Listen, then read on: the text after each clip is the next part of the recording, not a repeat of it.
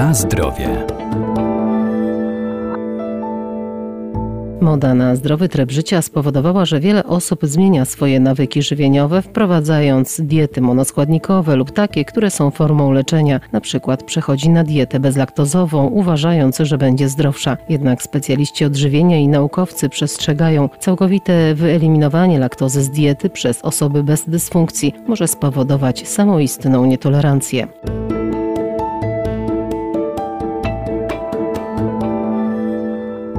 Zdrowe żywienie to zbilansowana codzienna dieta. Powinna obfitować w warzywa i owoce, chude mięso czy nabiał, ale też nie może w niej zabraknąć innych ważnych składników. Dlatego nie warto ulegać trendom żywieniowym i wprowadzać specjalistyczne diety bez uzasadnienia, przykład bez laktozy. Składnikiem energetycznym mleka jest laktoza. Jest to dwucukier składający się z glukozy i galaktozy, który przez wielu konsumentów jest jednym z tych surowców znienawidzonych, wręcz wokół którego bardzo dużo niejasności pojawia się w prasie i w środkach masowego przekazu. Dlaczego? Profesor Waldemar Gustaw, Wydział Nauk o Żywności i Biotechnologii Uniwersytetu Przyrodniczego w Lublinie. Część społeczeństwa cierpi na nietolerancję laktozy, natomiast coraz częściej przypisuje się wszelkiego rodzaju dolegliwości układu pokarmowego, właśnie niemożliwości trawienia laktozy. Taką nietolerancją wrodzoną charakteryzuje się troszeczkę ponad 1% noworodków czyli jakaś część populacji ma wrodzoną nietolerancję laktozy. Następnie wraz z wiekiem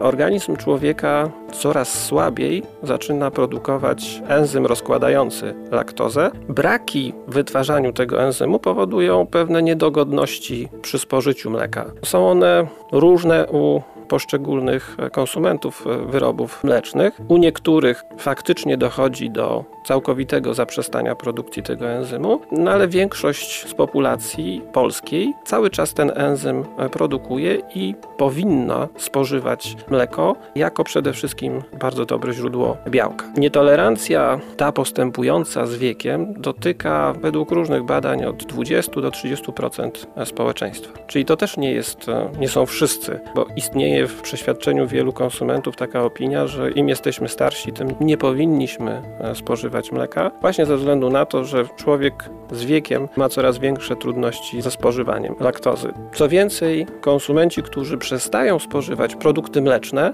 sami doprowadzają do tego, że nasz organizm nie ma potrzeby wytwarzania dalej tego enzymu, najprawdopodobniej. No i potem możemy wejść w taką właśnie nietolerancję laktozy w zasadzie na własne życzenie.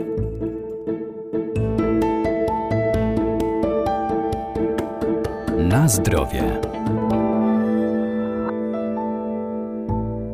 Osoby wrażliwe nie muszą jednak rezygnować z produktów nabiałowych. Można sięgać na przykład po jogurt naturalny. Jogurt e, to nic innego jak mleko poddane fermentacji mlekowej, e, w czasie której laktoza przetwarzana jest na kwas mlekowy. Ten kwas zakwasza mleko do pH około 4,5-4,7. Przy okazji fermentacji mlekowej wytwarzane są inne związki przez bakterie z grupy związków przede wszystkim zapachowych i smakowych, które nadają charakterystyczny e, smak i zapach temu e, produktowi. Jogurt jest polecany osobom cierpiącym na nietolerancję laktozy z tego względu, że ma on obniżoną zawartość laktozy, jak również z tego względu, że bakterie, które są obecne w jogurcie, wytwarzają laktazę, rozkładającą laktozę, przez co nawet już po zakończonym procesie produkcji zawartość e, laktozy w jogurcie będzie systematycznie się zmniejszała. W ogóle żywieniowcy i dietetycy będą polecali do spożywania jogurty, ale jogurty naturalne. Z tego względu, że te pozytywne cechy tak naprawdę zawdzięczamy właśnie takiemu rodzajowi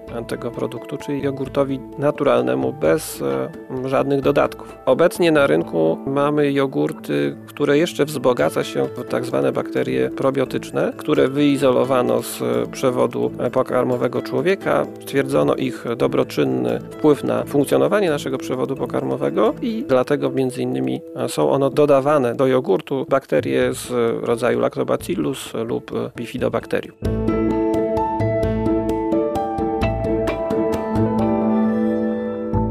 Jeżeli postanowimy zmienić swoje dotychczasowe nawyki żywieniowe i myślimy o konkretnej diecie, zwłaszcza monoskładnikowej, to zawsze warto skonsultować się z dietetykiem bądź lekarzem.